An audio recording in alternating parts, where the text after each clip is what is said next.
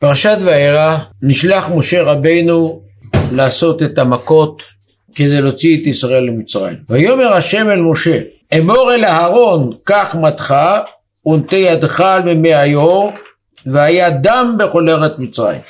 אומר רש"י אמור אל אהרון לפי שהגן היאור על משה כשנשלח לתוכו לפיכך לא לקה על ידו לא בדם ולא בצפרדעים ולקה על ידי אהרון לא בדם ולא בצפרדעים. היות שמשה ניצל על ידי היאור, אין הקדוש ברוך הוא מרשה למשה להכות את היאור, והמכות האלה מתבצעות על ידי אהרון. וכך בהמשך שנגיע למכה השלישית אנחנו רואים תופעה דומה. ויאמר השם אל משה אמור אל אהרון נטה את מדך ואך את עפר הארץ והיה לכנים. למה דווקא אהרון? למה לא משה? רש"י לא היה עפר כדאי ללקוט על ידי משה לפי שהגן עליו כשהרג את המצרי ויטמנהו בחול ולקה על ידי אהרון. המתבונן רואה כאן דבר עמוק עמוק מאוד. כלומר עצמים דוממים, יאור ועפר. יש על משה חובה להכיר להם טובה. באשר לפני שמונים שנה ניצל משה על ידי היאור. אינו רשאי לפגוע בו, אינו רשאי לבזותו ולהשפילו את היאור ולהופכו לדם. אפילו שעל ידי כך הרי יתקדש שם שמיים, גם אותה דרגה של קידוש שם שמיים אינה עילה מספקת שיהיה אדם כפוי טובה. העפר, פעם הוא השתמש איתו. הוא כיסה את אותו מצרי, אינו רשאי לבזות אותו ולהפוך אותו לקינים. יעשה את זה מישהו אחר. למרות שזאת מצווה גדולה. אבל לא הוא, הוא לא רשאי. והאדם מסתכל ומתבונן, מה היו"ר באמת אכפת לו? היו"ר מרגיש ביזיון? ב', המים כבר התחלפו כאן 80 פעם, אולי 100 פעם, הם זורמים כל הזמן אל הים הגדול. אלה לא אותם המים שהיו, זה לא אותו עפר, העפר ההוא כבר עף ברוח, מי יודע להיכן הגיע. רואים את התביעה של הקדוש ברוך הוא מן האדם, את התביעה לעדינות הנפש, את הדרישה להיות מכיר טובה אפילו לדומם. ומן הדומם נעלה אל הצומח, ומן הצומח נעלה אל החי, ומכאן נגיע על אחת כמה וכמה לאדם. עד כמה חייב האדם להכיר טובה למי שאי פעם גמל עמו חסד. דרשו חז"ל, כאן במדרש, על משה שנשלח בשליחות החשובה ביותר בהיסטוריה. לגאול את ישראל למצרים. והנה הולך לבקש רשות מיתרו, וזאת למה? אמרו חז"ל, מי שפותח פתח לחברו נפשו חייב לו. כשאני הגעתי כאן למדיין, מי נתן לי מקום לגור? מי התייחס אליי? יתרו. אני צריך לשאול ממנו רשות, נפשו חייב לו. רגע, לא, משה גמל איתו חסד. משה הציל את הבנות של לוט, שרצו הרועים להורגן, להטביען במים. לא, זה לא חשוב, זה לא חשוב. למה זה כלל לא חשוב? העיקר הוא גמל לך חסד, אתה צריך להכיר לו טובה.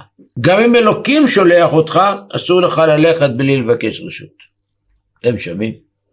בלי לבקש רשות. משה, לא ילד קטן.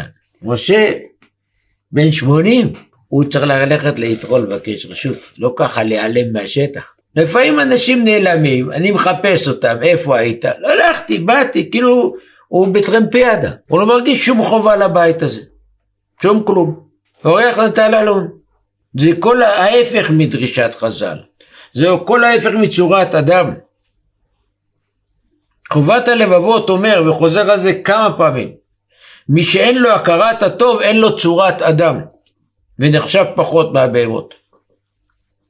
הנביא ישעיהו זועק בתחילת הספר, ידע השור קונהו, חמור אבוז בעליו, ישראל לא ידע, מי לא התבונן? תראו, החמור מציית לאדון. החמור לא הולך מהאהובה. למה הוא לא בורח? כי באזל ההוא קיבל אוכל. הוא קיבל כאן אוכל והוא קיבל לגור, אז הוא לא יכול ללכת בלי שהאדון יגיד לו. הוא לא יכול ללכת בלי שהאדון יגיד לו. ידע שור קונהו, חמור אבוז באליו. מי שאין לו הכרת הטוב ולא צורת אדם, אומר חובת הלוט, גם לא צורת בהמה. משה רבינו קיבל מיתרו, הוא צריך להגיד לו רשות. משה רבינו קיבל טובה מה, מהחול. הוא לא יכול לפגוע בו, הקדוש ברוך הוא לא מרשה לו. זה לא מקרי שהפעם אהרון עושה את זה. בכל דבר יש תורה, בכל דבר יש הוראה, בכל דבר יש חינוך. ובאו בעלי המוסר ואמרו, מה כתוב כאן? הפותח פתח לחברו נפשו חייב לו. מה שאנחנו יודעים שרק ג' עבירות חייבים למסור את הנפש. שאר העבירות יעבור ואל ייהרג. וכאן נאמר נפשו חייב לו. פירושו שזה יותר חמור מכל המצוות שבתורה. יותר חמור מכל מצוות שבתורה. עד כדי כך מיקדו את המידה הזאת של הכרת הטוב. ואנחנו יודעים בעלי חיים שמוכנים למסור נפשם בשביל האדון. כלבים ידוע שהם מוכנים למות כדי להגן על האדון שלהם. עד כדי כך. והדבר הזה יש לו פנים גם בין אדם למקום וגם בין אדם לחברו. גם וגם. גם כאן וגם כאן. חז"ל בהרבה הרבה מקומות מיקדו את התביעה לאדם. וכבר הארכנו את זה כמה פעמים, שעמון ומואב שנקנס עליהם עונש לדורות לא יבוא בקהל השם בגלל כפיות טובה שהייתה להם שלא קידמו בלחם ובמים למרות שכל התביעה עלתה על דורי דורות לאחור. דורי דורות. חובת הלבבות בשער עבודת אלוקים בהקדמה כותב כך שאם אדם רוצה לבדוק מהם ההרגשות שלו אמיתיות, הרגשה אמיתית כלפי בורא עולם, האם הוא באמת מרגיש עבד השם? או שהוא רק משקר את עצמו. דבר מאוד קשה לבדיקה. אומר חובת הלהבות שיבדוק את היחסים שלו בין אדם לחברו. אין שני בני אדם, יש בן אדם אחד. וכפי שהוא ירגה ויחוש מהן המידות ששולטות בו בין אדם לחברו, מהן ההרגשות שלו כלפי בני אדם שעזרו לו ועוזרים לו, ידע שכך זה יהיה גם לקדוש ברוך הוא. אלא מאי? ביחד לקדוש ברוך הוא בן יכול לרמות את עצמו ביתר קלות, שהוא באמת עובד השם ואוהב השם וירא השם, הכל. כי אין לו טסקס, אין לו אמצעי לבדוק את אמיתות הדברים, מה שאין כן ביחס לחברו. ברוב הפעמים, לא בכולם, אדם יודע שהוא לא בסדר כלפי החבר, שיש לו מידות רעות, רואים את זה, הוא מרגיש את זה, הוא לא כל כך חסר דעת. אבל הוא אומר, זה החלק הזה, מה נעשה? אני לא, לא כל כך טוב, אני דווקא קפדן, אני זה, אני... אבל יחד לקדוש ברוך הוא, אה, בעבודת השם אני עשר. אומר חוות אבות יש לך טעות. זה אותו דבר. מה פירושה של הכרת הטוב? מה פירוש הכרת הטוב? מבאר חובת הלוות באריכות. הכרת הטוב אומרת שאתה משועבד למי שמטיב לך. משועבד. בדיוק כמו עבד. זה מה שאמר משה. יתרו גמל איתי טוב, אני משועבד לו. ולכן אמרו חז"ל, מה אנחנו רואים בפרשה? פרעה מתנער מיוסף שמת מזמן, פרעה מתנכר לבני ישראל שעזרו למצרים, והיה קם מלך חדש. ובאו במדרש ואמרו כך, הכופר בטובתו של חברו סופו לכפור בטובתו של מקום. ולומדים את זה מפרעה. בתחילה לא הכיר טובה ליוסף שהציל את מצרים בשנות הרעב. סופו שאמר מי השם אשר אשמע בקולו. חז"ל רואים כאן קורלציה, מתאם בין לבין. זה לא שתי הנהגות. ויקם מלך חדש אשר לא ידע את יוסף. שני פירושים, לא ידע באמת או שחדש. פירוש אחד לא זה אותו מלך. הוא החליט לכפור בטובתו של יוסף שהציל את האומה המצרית מרעב היום. היה, מה היה היה. סופו. חז"ל אמרו זאת לא תופעה מקרית אצל אותו אדם שלאחר מכן אומר למשה רבנו מי זה אלוקים? כל אדם כך. סופו לכפור בטובתו של בורא עולם. רק אדם שמכיר טובה לזולת, על טובה שהוא ראה בעליל, שלא ניתן להכחישה, הוא מכאן יכול להתחיל ולעלות לעבודת השם אמיתית, ולהכיר בטובתו של הקדוש ברוך הוא. שלא אמרו חז"ל במדרש על הפסוק כל הנשמה תהלל יה, שאנחנו אומרים בתפילה, שהוא מתהילים, שחייב אדם להודות לקדוש ברוך הוא על כל נשימה ונשימה. על כל נשימה ונשימה. פירוש, דבר שאנחנו עושים עשרות פעמים בדקה, שזה בכלל בהיסח הדעת, צריכים להודות לקדוש ברוך הוא. שאף אחד לא ידע מזה, כשבן אדם לא יכול לנשום, והוא צריך סיוע הן ברמה נמוכה של חמצן, הן ברמה כבדה יותר של מכשיר הנשמה, אז פתאום הוא מתחיל להבין עד כמה היטיב איתו בורא עולם במיליוני הפעמים שהוא נשם. בכל דקה אדם רגיל, לא בפעולה של ריצה, הוא נושם בערך בין 12 ל-16 פעם בכל דקה. בריצה זה יכול להגיע ל-40, ל-50 ואפילו 60. כאן אדם נושם עשרות פעמים בדקה, רבבות רבבות פעמים בכל יום, וכמה בכל שבוע וחודש בכל שנות חייו, מיליוני פעם. והוא כלל לא מודע לזה. כל הנשמה, דרשו חז"ל, על כל נשימה ונשימה. נו, מישהו מודע לזה? ממש לא. זה בא לנו באופן טבעי. כלל לא עולה לדיון איך אני נושם ולמה אני נושם וכמה אני נושם. מובן מאליו. על כל נשימה צריך להודות לבורא עולם. על החסד שגמל לי בנו. ומתי בן אדם יכול להרגיש את זה? יש פתגם שאומר שאדם מתחיל להבין כמה טוב היה לו כשנהיה לו רע.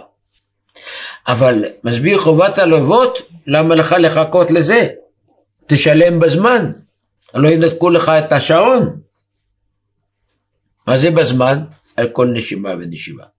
אם יכיר וירגיש האדם שהנה אני מקבל מהקדוש ברוך הוא, לא צריך ללכת בצדדים דרסטיים.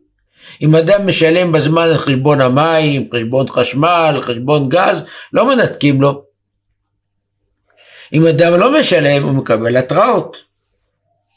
אם הוא לא שם לב, זה לא ניתוק, זה מסביר חובת הלוואות.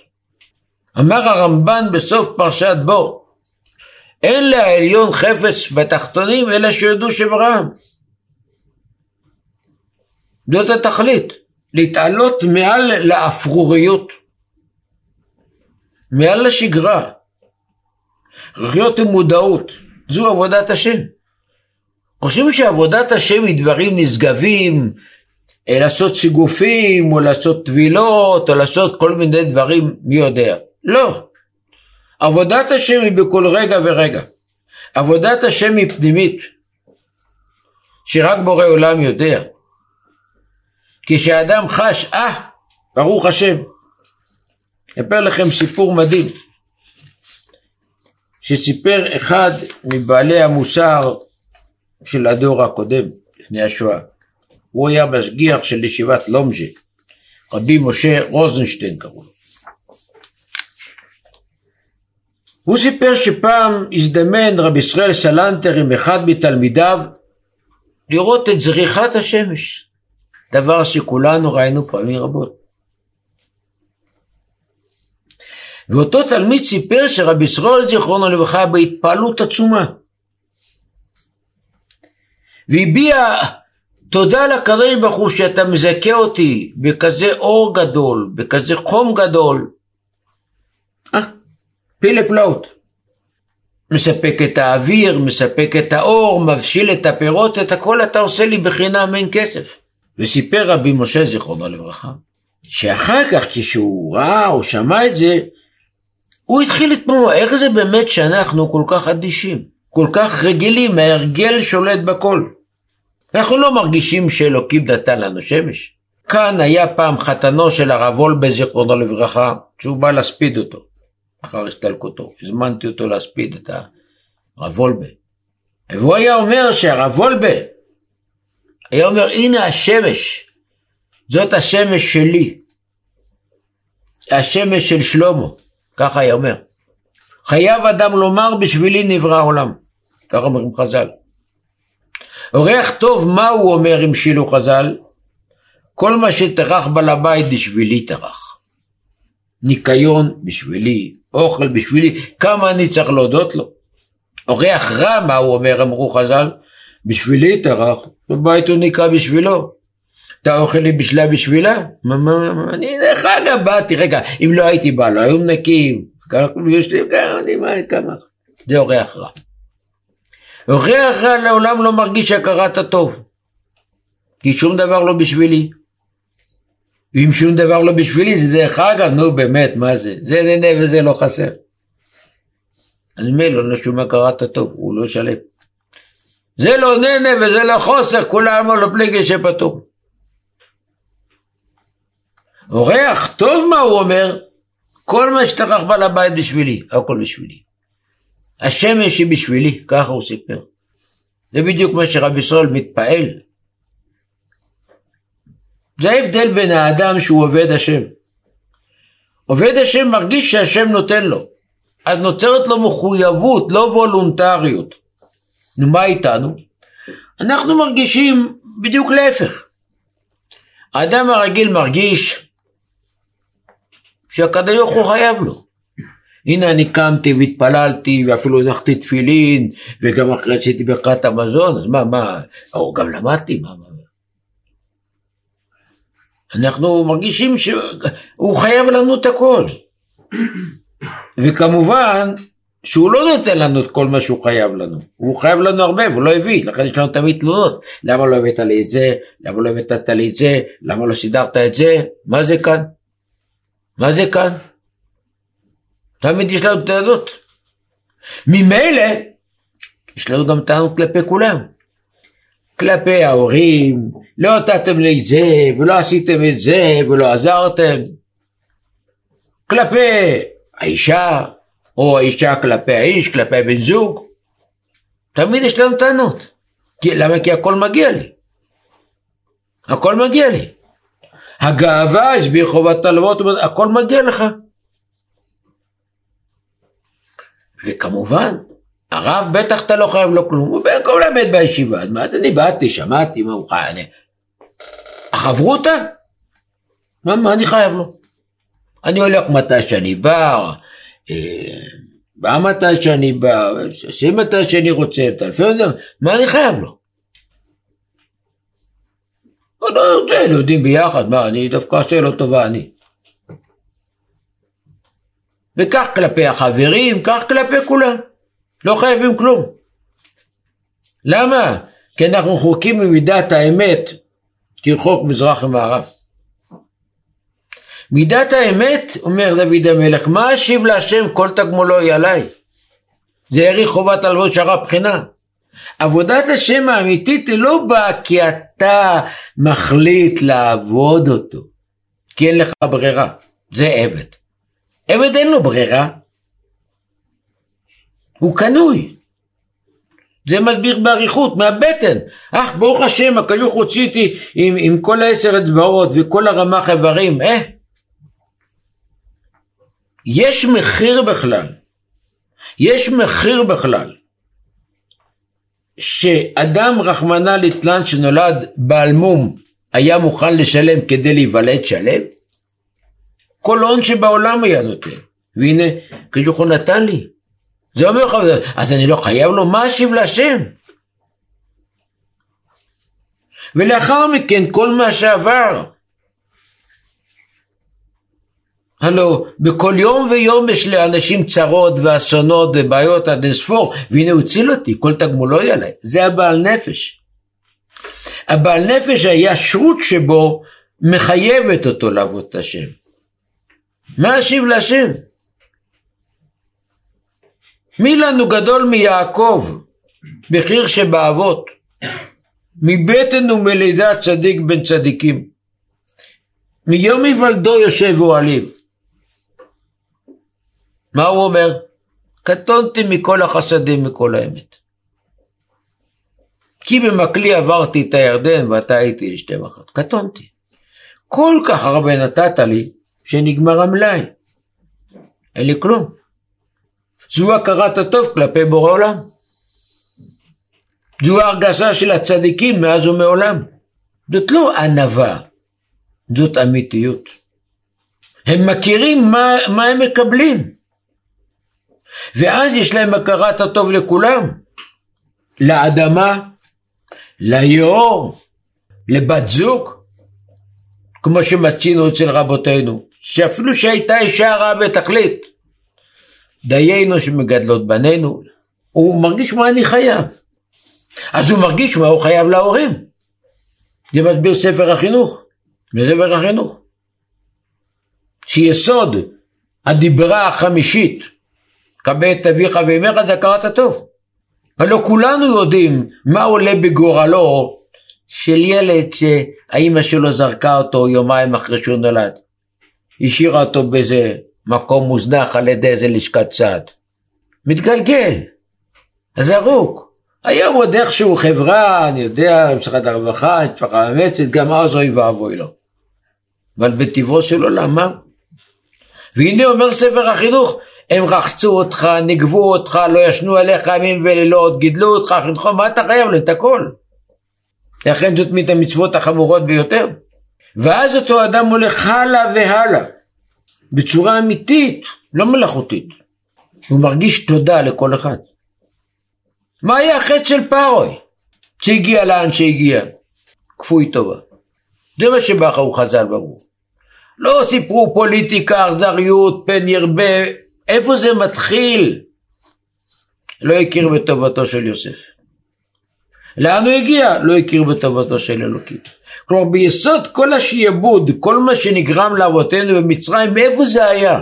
כפיות טובה. לא הכיר. לא הכיר בטובתו. ולכן הגיע לאותו מצב, לא הכיר בטובתו של אלוקים. ויאמר יתרו ברוך השם אשר הציל אתכם מיד מצרים ומיד פרעה. זה אומר יתרו שהוא מגיע לבני ישראל במדבר. למדו מכאן חז"ל במסכת ברכות, מכאן שחייב אדם לברך על נס. קיבלת מאלוקים משהו? צריך לברך. צריך לברך. ברוך השם, אשר הציל אתכם. מאיפה זה נובע? מהכרה פנימית. יש אדם הפוך. לווה רשע, אומר משלי, לווה רשע ולא ישלם. לא רק אם מישהו עשה לו טובה, הוא לא מרגיש חובה לגמול לו, אפילו אם הוא קיבל מישהו הלוואה, הוא לא משלם. לא כי אין לו, כי הוא רשע. אז הוא אומר אין לו. אז הוא עושה פשיטת רגל. אז הוא שוכב אותו מחר, תבוא מחרתיים, תבוא זה, תראה, אני לחוץ, מה אתה לחוץ? היית צריך כסף, באת, קיבלת. יש כאן כפיות טובה. כלומר, אי היושר הפנימי הוא זה לכפיות טובה, אלא שיש לו ביטויים רבים ושונים. רבינו יונה כותב בשערי תשובה, יש מצוות עשה מיוחדת לזכור ולהתבונן בכל החסדים שהבורא יתברך משפיע עלינו תמיד. מצוות עשה. למה? כי בכך אתה מקבל אמונה. בכך אתה עובד את השם. זוהי עבודת השם הפנימית. בן אדם לא מרגיש שהוא עושה טובה לבורא עולם, אלא אדרבה. הוא שמח שבורא עולם נותן לו כביכול אפשרות לעבוד אותו. שלא יהיה נעמה דקיסופה. לא נעמה דקיסופה בעולם הבא, נעמה דקיסופה בעולם הזה. מסילת ישרים כותב כך: כי ככל שירבה האדם להסתכל ולהתבונן ברוב הטובות והנפלאות הגדולות שהקדוש ברוך הוא עושה עמו, בכל עת ובכל שעה, מעת הלידה עד היום האחרון, כן ירבה להכיר לעצמו חובה רבה אל הקל המטיב לו. אותו רעיון. מניין תבוא עבודת השם אמיתית? ומה ההפך של זה? הקצה האחר הוא כפיות טובה. ובאו חז"ל ודרשו את זה כבר על אדם הראשון. ויאמר האדם האישה אשר נתת עמדי, היא נתנה לי מן העץ ואוכל. הקדוש ברוך הוא שואל אותו, למה אכלת? אמין העץ אשר ציוויתי אותך לא לאכול, אכלת? אומר, לא, לא, לא אני, האישה אשר נתת עמדי. פירש רש"י, כאן כפר בטובה. האישה אשר נתת עמדי, כאן כפר בטובה. שאל הסבא מסלבודקה זיכרונו לברכה, איזה תביעה יש לאדם הראשון? הקדוש ברוך הוא שואל אותו, אכלת מץ הדעת? אז הוא עונה תשובה אמיתית. זה נכון שאכלתי, אבל זה, זה, זה, זה לא אני אשם.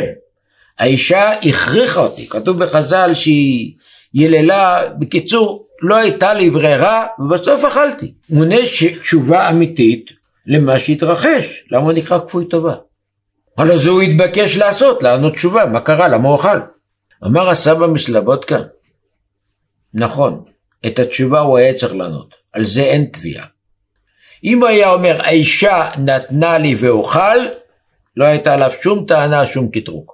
כי זה הוא נשאל. אכלתי, אבל בגללה.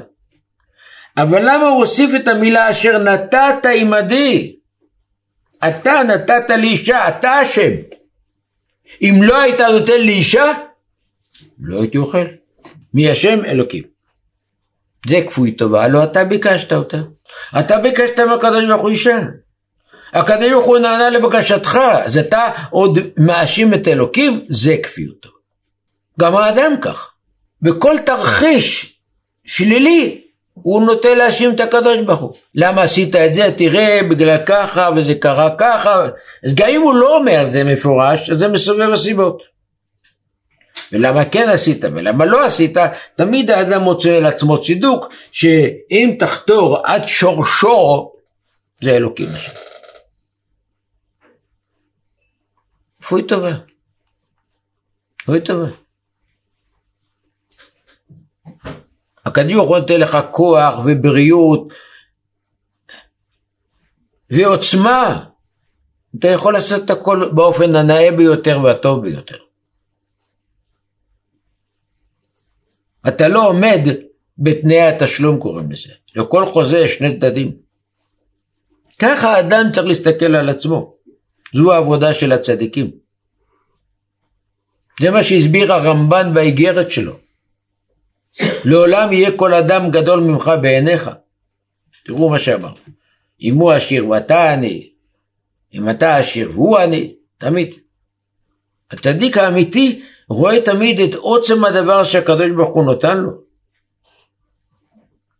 ושבעתיים, אם ברוך הוא שם חלקו ביושבי בית המדרש, גם בשתי פנים. הכפוי טובה אומר, ואני אפילו לא אלך ברחוב ולא נהנה, ואני לומד תורה, וכמה אני עובד אותו, ו- ו- וזה לא, וזה לא, וזה לא, אני ממש כמו בסביר. זה הכפוי טובה. המכיר טוב אומר, אשרינו, מה טוב חלקנו, ששם חלקי ביושבי בית המדרש, שלא שם חלקי ביושבי קרנות, הרי כל כך הרבה הוא גומל לי, ששם חלקי עם משפחה טובה, ששם חלקי עם אישה טובה. על כל דבר מאומר חובת הלוות יש לך תוספת מחיר, תוספת הכרת הטוב, תוספת עבודת השם, זה ההפך של הפרעה. פרעה לא מכיר, הכופר בטובתו של חברו כופר בטובתו של הקדוש ברוך הוא. והאור החיים מתבטא במשפט חריף. אין אדם מתחייב רע בעולם כמשלם רע תחת טובה. כפוי טובה. ובפרקי דרבי אליעזר, פרק ז', כתוב, אין לך קשה לפני הקדוש ברוך הוא יותר מכפיות טובה. אין לך קשה, אתם שומעים יותר מכל התרי"ג איברים. תרי"ג מצוות, תרי"ג שעשה לאווים, רמ"ח מצוות עשה, אין לך דבר יותר חמור. וזה למה? הלא כל אחד תמה. והתשובה ביארו חכמי המוסר היא זאת. כי כל המצוות הן לא בטבע של האדם. ממש לא. הרי להכריח את עצמו, ציצית, שופר, כשרות. הכרת הטוב היא באמת בטבע של האדם. ידע שור קונהו, חמור אבוז בעליו. הרגש שלך, של יצר לב האדם רע מנעוריו, אתה עקרת את השורשים. אתה הפכת את עצמך ליצור לא רציונלי. ליצור שהרס את התשתית של החיה שבו. כל אדם הוא קודם כל חיה. זה נקרא נפש הבהמית. לאחר מכן יש לו דעת עליונה. ואתה חתרת תחת היסודות, אתה. לכן זה יותר חמור מכל העבירות. כי זה השכל מחייב. לכן הקדוש ברוך הוא העניש את עמון ומואב, ושאלו כולם, למה מגיע למונס? זה לא בשבע מצוות בנוח. ואמרו רבותינו, זה יותר משבע מצוות בנוח. זה בתשתית, כמו שהביע רבינו חיים ויטל בתחילת שערי קדושה, המידות חמורות מן המצוות כי הם בנפש היסודית. ומידת המידות היא הכרת הטוב. ולמה? כי עבודת השם כולה בנויה על זה.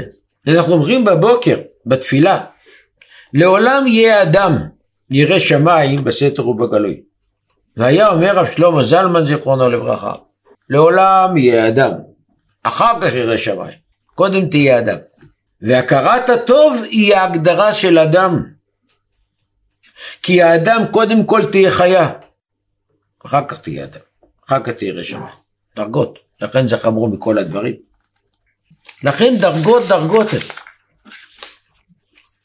חז"ל אומרים למה דוד נענש ויכסו בבגדים ולא יחם לו.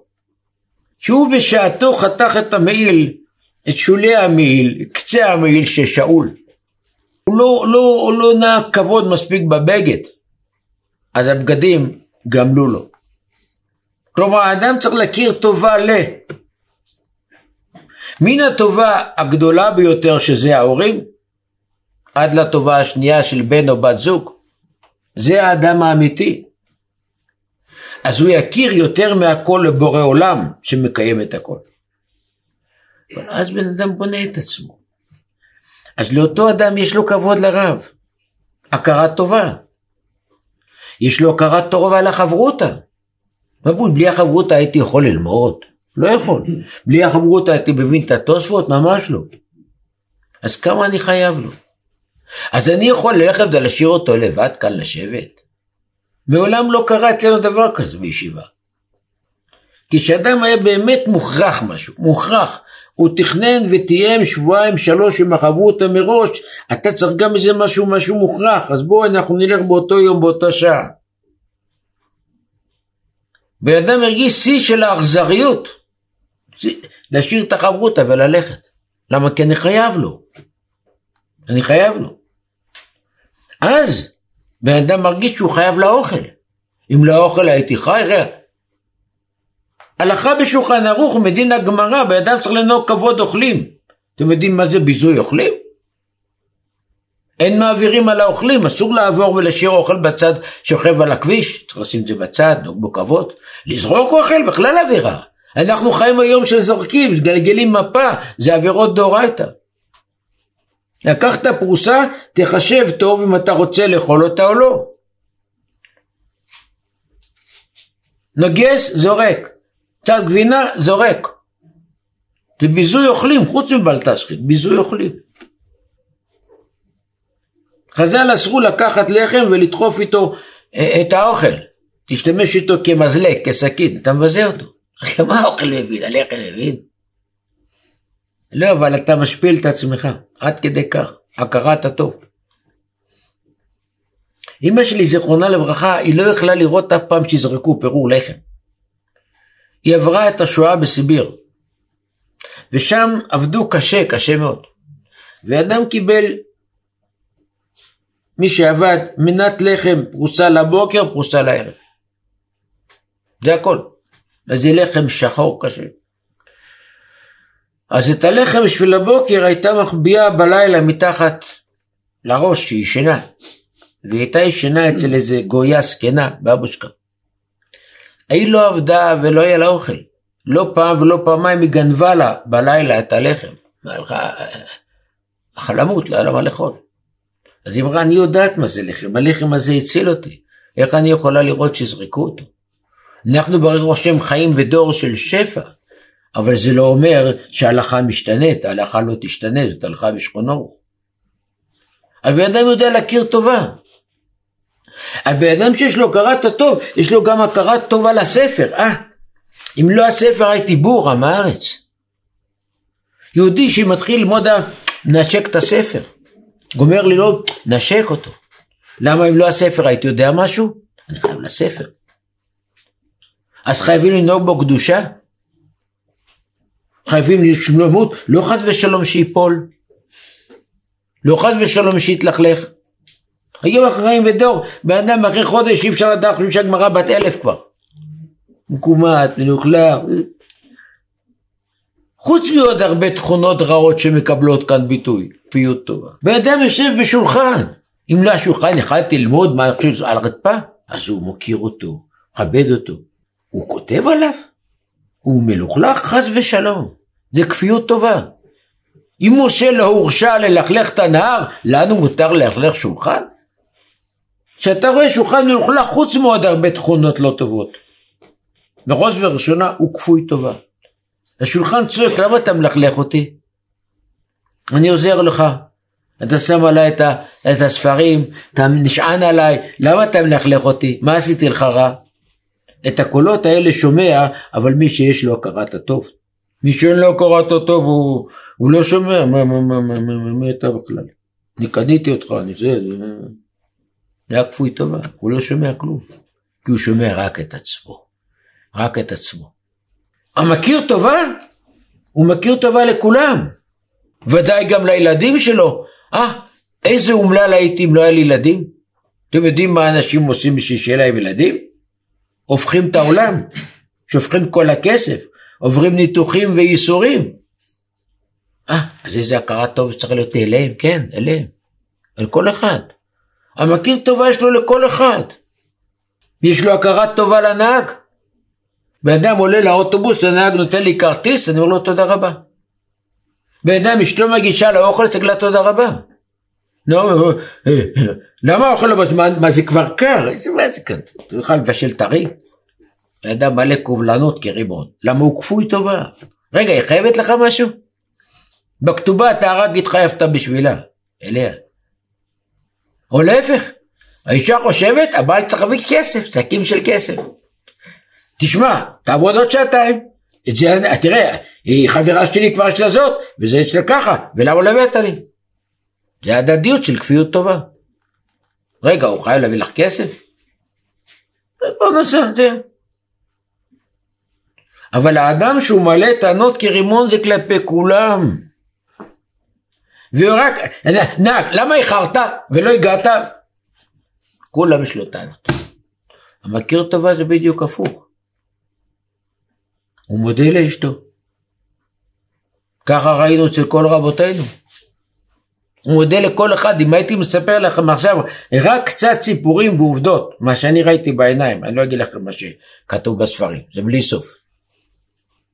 איזו הנהגה אצילית, שהיא נובעת מהכרת טוב אמיתית, לכל דבר שהוא.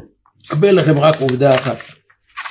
סיפר הרב זילברשטיין מבני ברק, על אשתו, שהיא הייתה מורה בבית ספר, היא הלכה כבר לעולמה, אשתו זיכרונה לברכה, היא הייתה מורה בבית ספר. והייתה מביאה איזה סנדוויץ' חול, כל שהייתה אוכלת ממנו. יום אחד אמר לה המנהל, למה אני רואה אותך כל יום מביאה סנדוויץ', בקושי את אוכלת ממנו משהו, תאכלי משהו קל. אז היא אמרה לו ככה,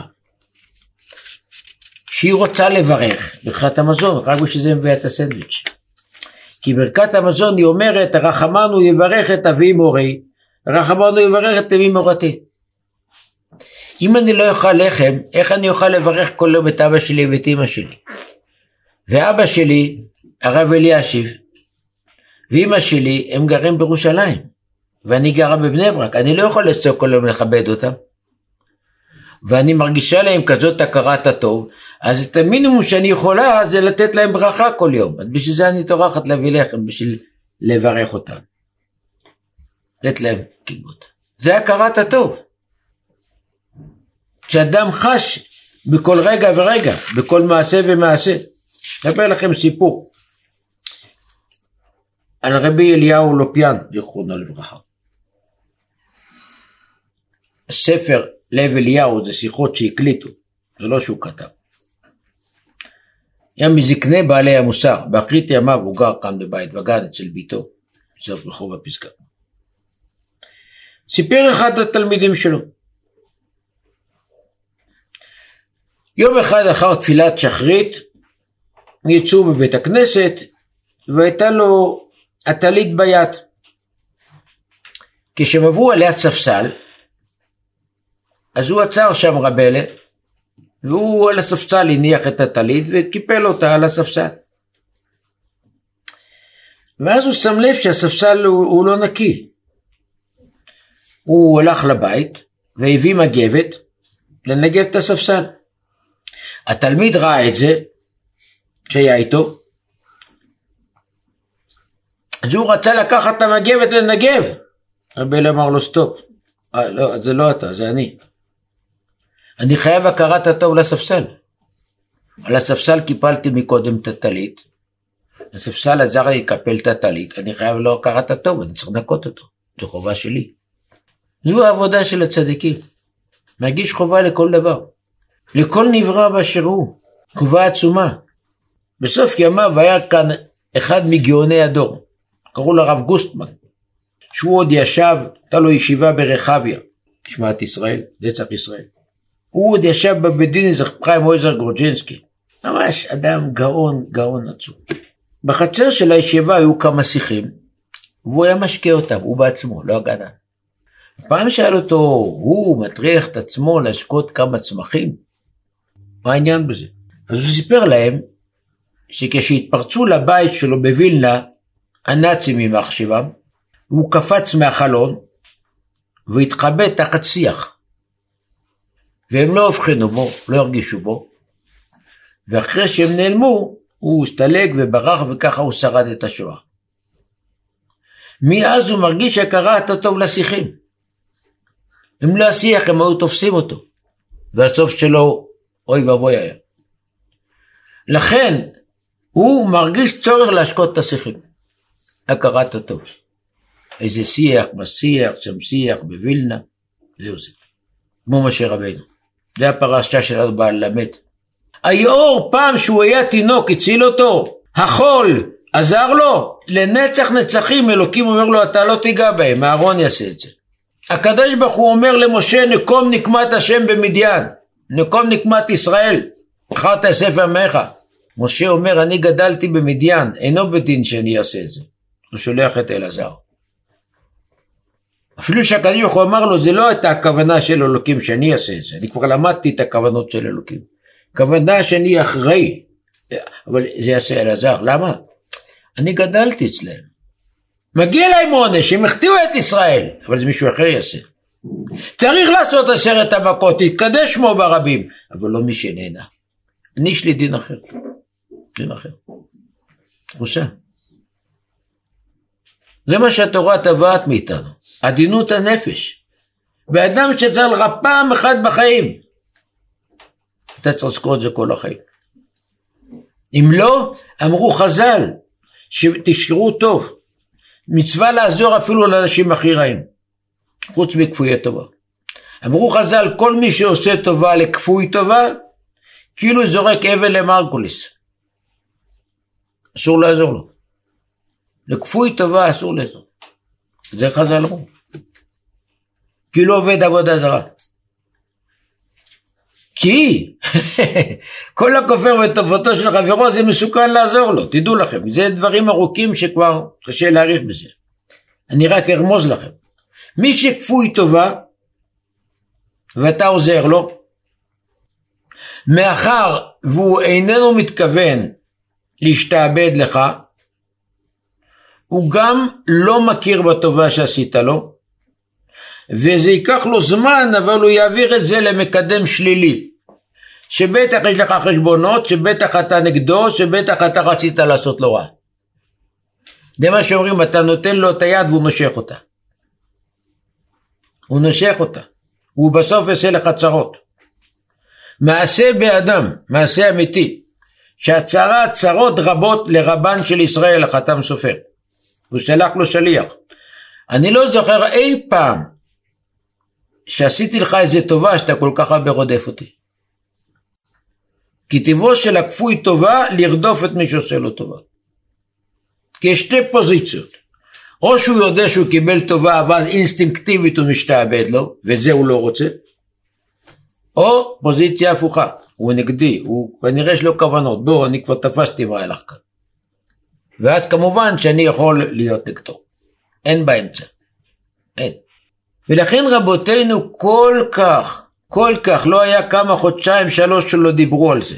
מפני שהעולם, ובייחוד העולם שלנו היום, הוא עולם כפוי טובה, שכל מי שיותר כפוי טובה מתגאה בזה. היה כאן ראש עיר, ירושלים עיר הקודש, שהציבור החרדי העלה אותו לשלטון, המפלגה שלו זרקה אותו כבר, היה סוס גמור. החרדים העלו אותו לשלטון, מה הוא עשה? עשה להם את ההצהרות הכי גדולות שלו מעולם. היה אדם ראש ממשלה, שהציבור החרדי העלה אותו, הצביע בשבילו, אחרת הוא לא היה עולה לשלטון. מה הוא עשה? עשה להם את הצהרות שלא עשו להם באף מקום בעולם. כן, דברים גלויים לעיני השמש. והוא לא התבייש בזה.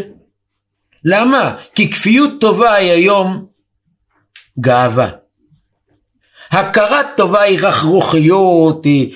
הכל הרי הפוך, הפוך, הפוך, תשת חושר והיא לילה.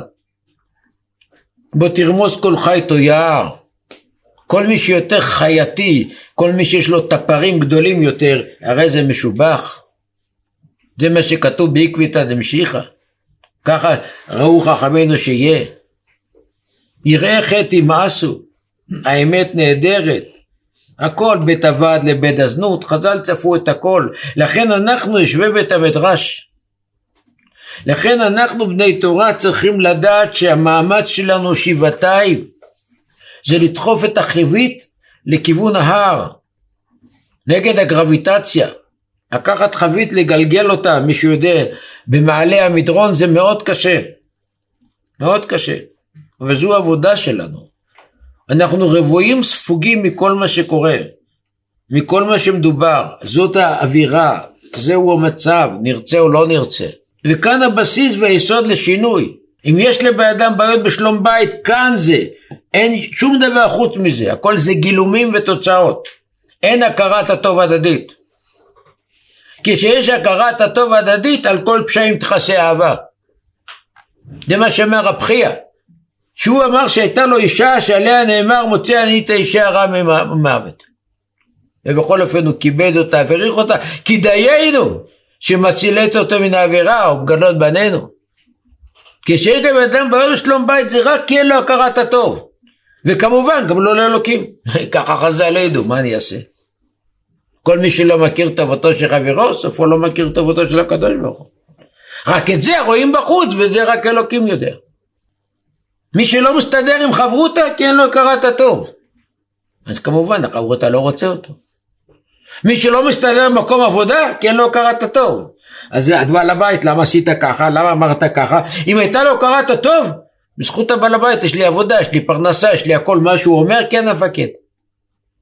עבדות. כן המפקד. למה? בזכותך יש לי עבודה, בזכותך יש לי פרנסה, אם לא, מה הייתי אוכל? מי שכפוי טובה מה פתאום, יש הרבה עבודות עזוב, וזה משכורת, זה רק למה אתה לא עוזב? אני כבר כאן, וזה, אתה יודע, קשה שאלות. הוא תמיד, בזכותי הבעל הבית שלו עובדים, בזכותי יש לו פרנסה, אני משאיר אותו, מה? הוא קפיטליסט, אני נותן לו את הכל. ללמדך שאין דבר שלא ניתן לראות אותו בשתי פנים הפוכות. כאן האדם נבחן, כיסו, כוסו וכעסו. איך הוא בוחן את הדברים. זה מה שהתורה הקדושה באה ללמד אותנו כאן. ושזה התורה סיפרה, כאילו הוא אומר למשה אתה אמור אל אהרון. אף על פי שעכשיו יתקדש שם שמיים ברבים, והנהר לא יעשה פרוטסט ואף אחד לא יראה בזה כפוי טובה, ככה באמת. אבל אם אתה תעשה את זה אתה פוגע בנפש שלך. ואתה משה צריך להיות אדם שלם, אדם שלם לא עושה ככה. זו התורה שאת באה ללמד אותנו.